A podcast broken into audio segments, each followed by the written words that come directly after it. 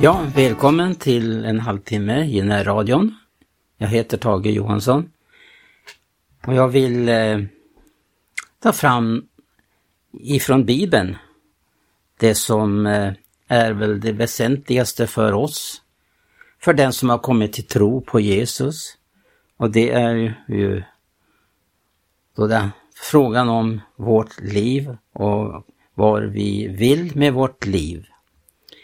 Frälsningen är ju en sak men sedan är det ju frågan om att eh, man vill och Gud vill framförallt ha oss helt, äga oss helt för att vi ska göra hans vilja. Och det är det här att göra Guds vilja med sitt liv som jag skulle vilja påminna om den här morgonstunden. Jag ska läsa ett eh, sammanhang i Kolosserbrevet. Det är ett ord som jag för övrigt har återkommit väldigt ofta när vi har haft våra bönesamlingar. Och då handlar det om vad vi läser i första kapitlet. Att eh, eh, Paulus bland annat får mottaga en rapport om att eh, evangelium hade börjat bära frukt, människor hade kommit till tro i Kolosse. Och när han får den här rapporten av Eprafas som eh, verkade där i Kolosse och de människor har kommit till tro så ser Paulus det oerhört angelägen om vad som är Guds vilja för var och en enskild. Men också för eh, den här lilla planteringen, om man får kalla det så, som det handlar om. En liten församling. Det begynte ett kanske ganska få antal troende, men eh, den bar frukt Eprefas arbete. När Paulus då får den här rapporten, jag kan ju läsa förresten ifrån tredje versen här fram till vers eh, eh 13. Det här är ett oerhört centrerat kring just vad som är Guds vilja att eh, få lära känna få kunskap om vad som är Guds vilja. Och då kan vi läsa där då, alltså första kapitlet från tredje versen. Jag tackar Gud, vår Herre Jesus, eh, Kristus, Fadern, alltid för eder i våra böner. Ty vi har hört om er tro i Kristus Jesus och om den kärlek som är haven till alla de heliga vi tackar honom för det hopp skull som är förvarat åt eder i himlen.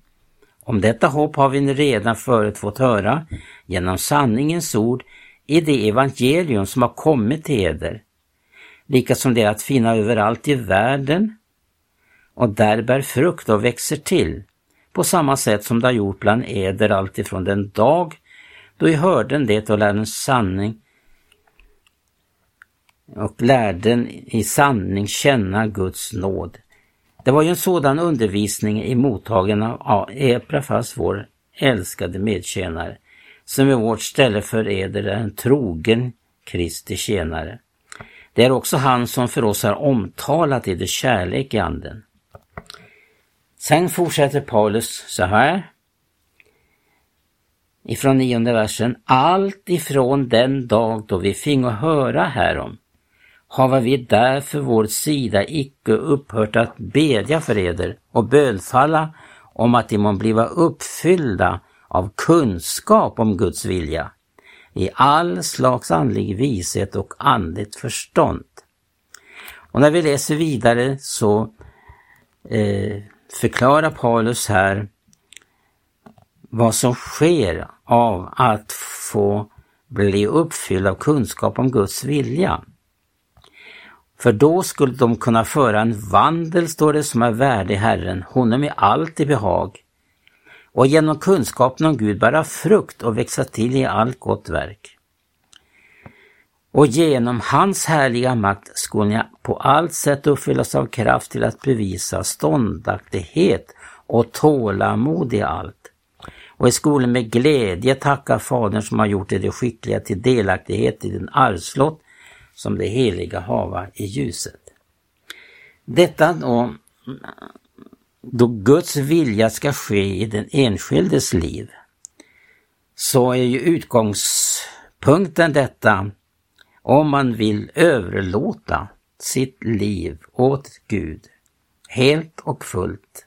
Alltså en helöverlåtelse som det, vi också kallar det. Det är en sak att uppleva pånyttfödelsen. Och det är ju en räddning ifrån syndens välde över en människas liv. Men därnäst så kommer ju den stora frågan, vad ska ske för var och en som har mottagit frälsning? Och där kommer då den här närgångna frågan om man vill inviga eller viga sitt liv åt Gud.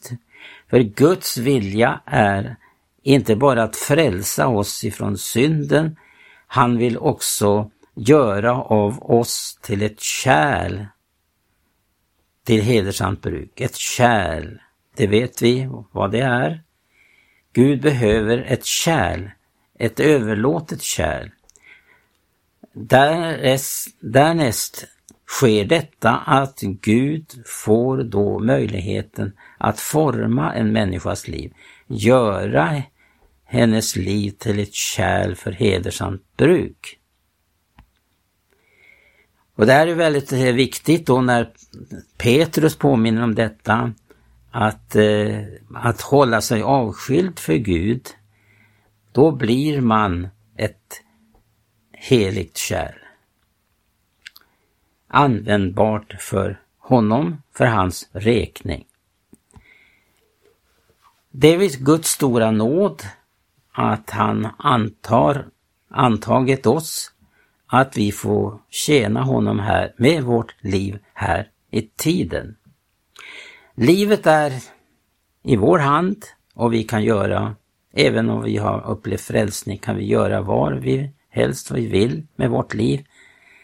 Men det stora och underbara är ju att gå in med sitt liv i en helöverlåtelse. Det är väldigt starka vittnesbörd i, i Bibeln om människor som har hängivit sig åt Guds ord. Som har låtit sig bliva uppfyllda av kunskap om Guds vilja. I all slags andlig vishet och annat förstånd som vi läste här i Kolosserbrevet. Det är oerhört vad som kan ske när en människa överlämnar sig helt och fullt åt Gud och låter hans vilja ske. Låter Gud avskilja henne för sin räkning. Det är ju det som överlåtelsen går ut på, att vi blir avskilda för Guds räkning, för hans vilja, för hans uppdrag, för att vårt liv ska bära riklig frukt. Det, det eh, sägs så underbart om Jesus då vi läser om profetiorna om honom i Jesaja 53. Och där står det i slutet av tionde versen och Herrens vilja skulle genom honom hava framgång. Vi kan också påminna varandra om vad Gud ger för vittnesbörd i Davids liv. Fastän han gjorde sina fel så var han alltid villig att inrikta sig och sitt liv på vad som var, är Guds vilja.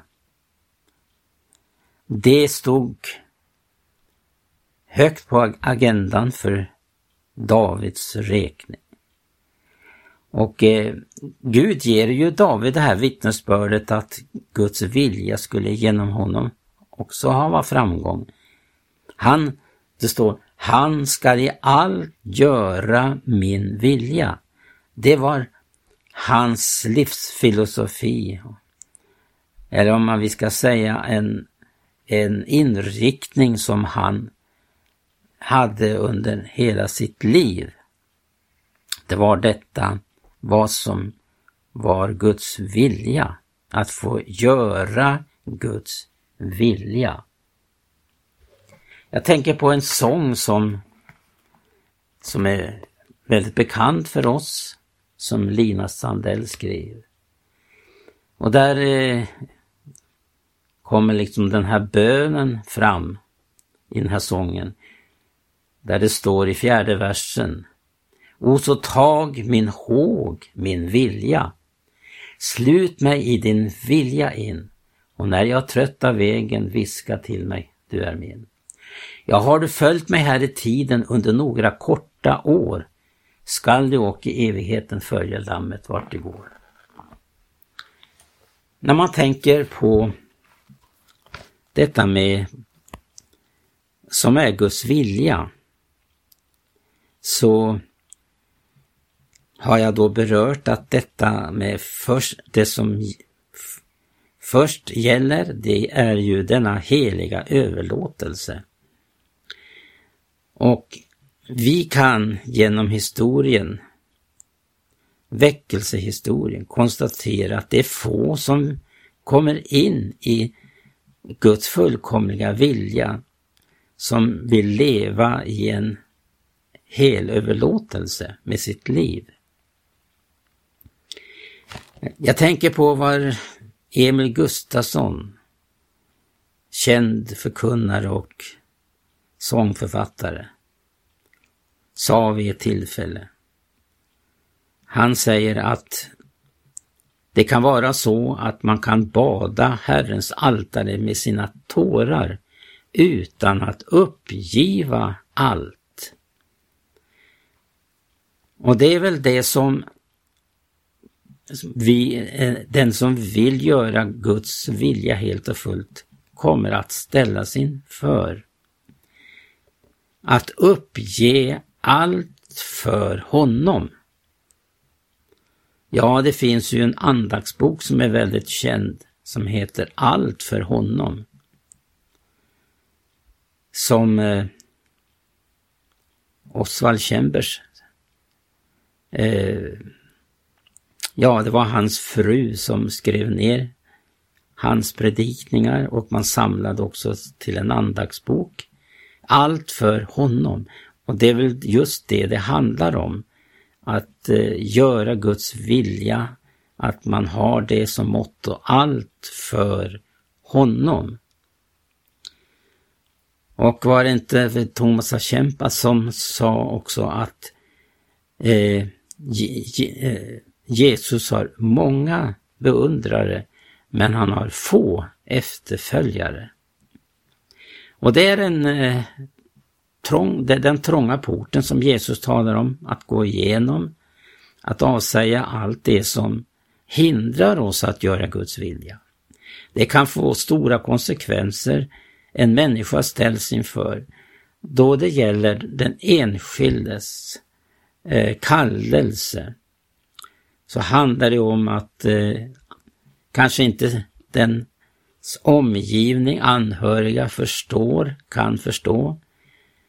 Då någon upplever att eh, man mottager en helig kallelse från Gud att göra det ena eller det andra. Men att det blir en konfrontation, kanske med närmaste till och med. Jag eh, påminner mig i denna stund om en mycket hängiven ung broder som eh, hade kallelse till missionsfältet. Han var fäst vid en ung flicka och eh, djupt förälskad. Men flickans fader sa att han fick gifta sig med henne på ett villkor, att han avsäger sig sin kallelse och jag tror det var till Kina. Det här skedde i England. Tyvärr så förmådde han inte ta ställning helt för Gud, utan hans liv, det har ett tragiskt, mycket tragiskt slut.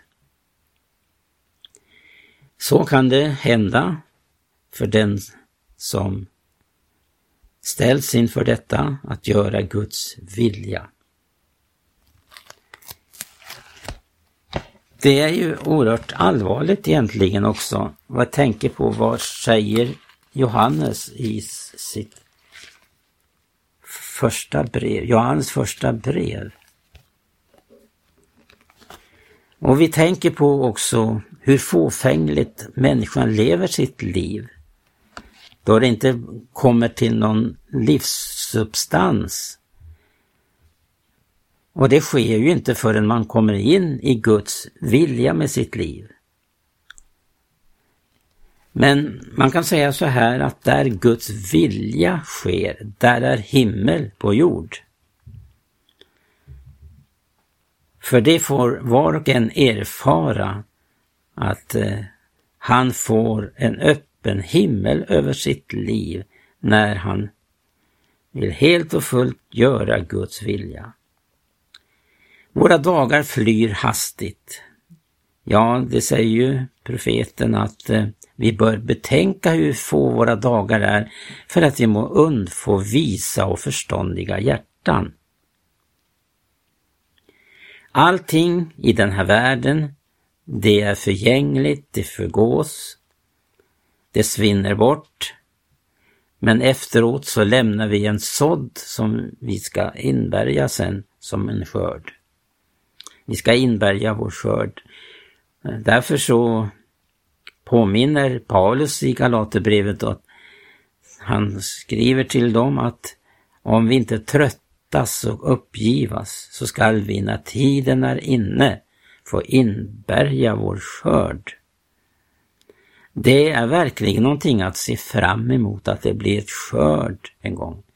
Frågan är var vi har sått här i tiden.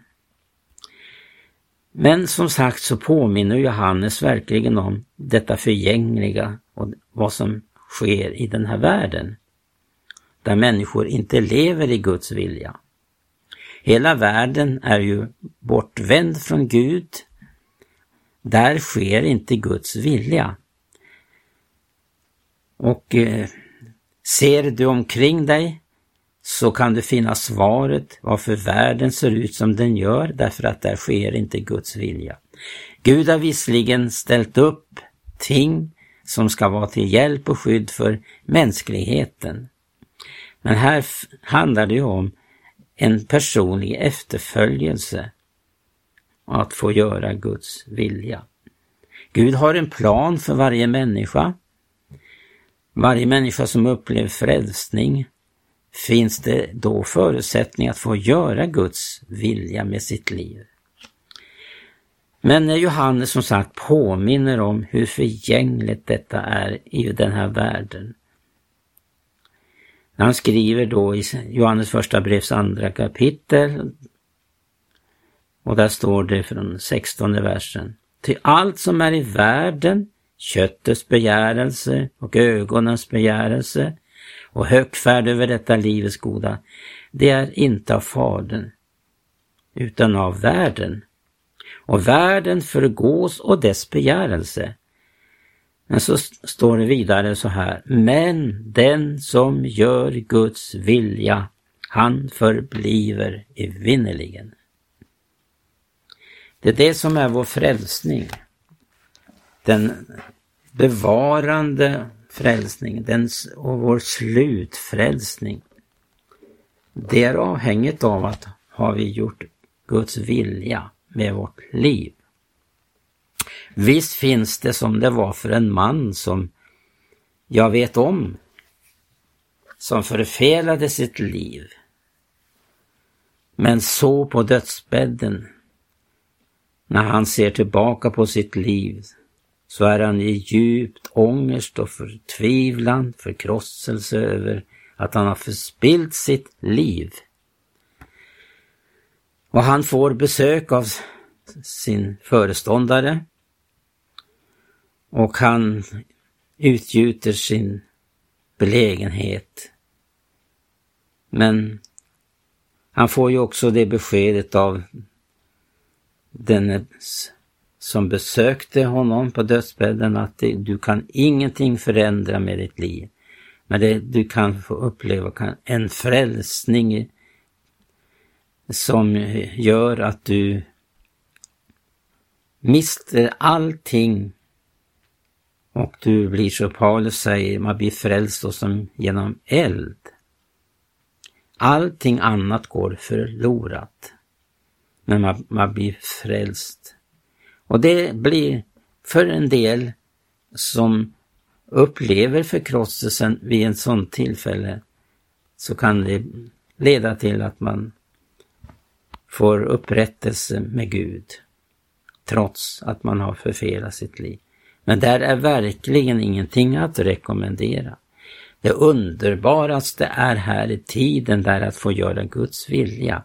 Och som jag sa, så att den som lever i Guds vilja med sitt liv upplever himmel på jord.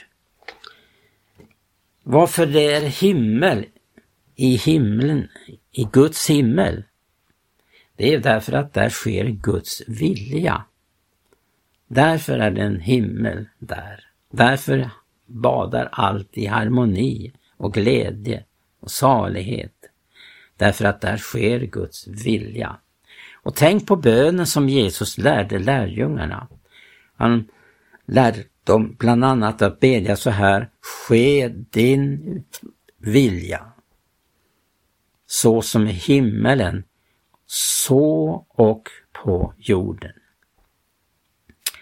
Ja, det är några ord med tanke på vad det innebär att vi får göra Guds vilja genom att vi viger vårt liv för honom. Och det, är väl inget, det finns inget underbart att se unga människor som viger sitt liv för Gud. Som lägger sitt liv på offeraltaret och får uppleva Guds heliga eld i sitt liv att inte behöva leva för sig själv och eh, det lilla, lilla kotteriet som den här världen erbjuder, utan att få leva för det tillkommande. Att få satsa sitt liv, att få samla skatter i himlen. Och då tänker man på den här sången om den är biblisk eller inte, det vill jag inte, men det ligger någonting i det. Ska det bli några stjärnor i kronan du får när du har avlagt din jordiska skruv? Och ytterligare en annan sång jag tänker på. En sådd är vårt liv här i tiden och en gång skall inbärgning ske. Tack för din uppmärksamhet. Gud välsigne dig och på återhörande.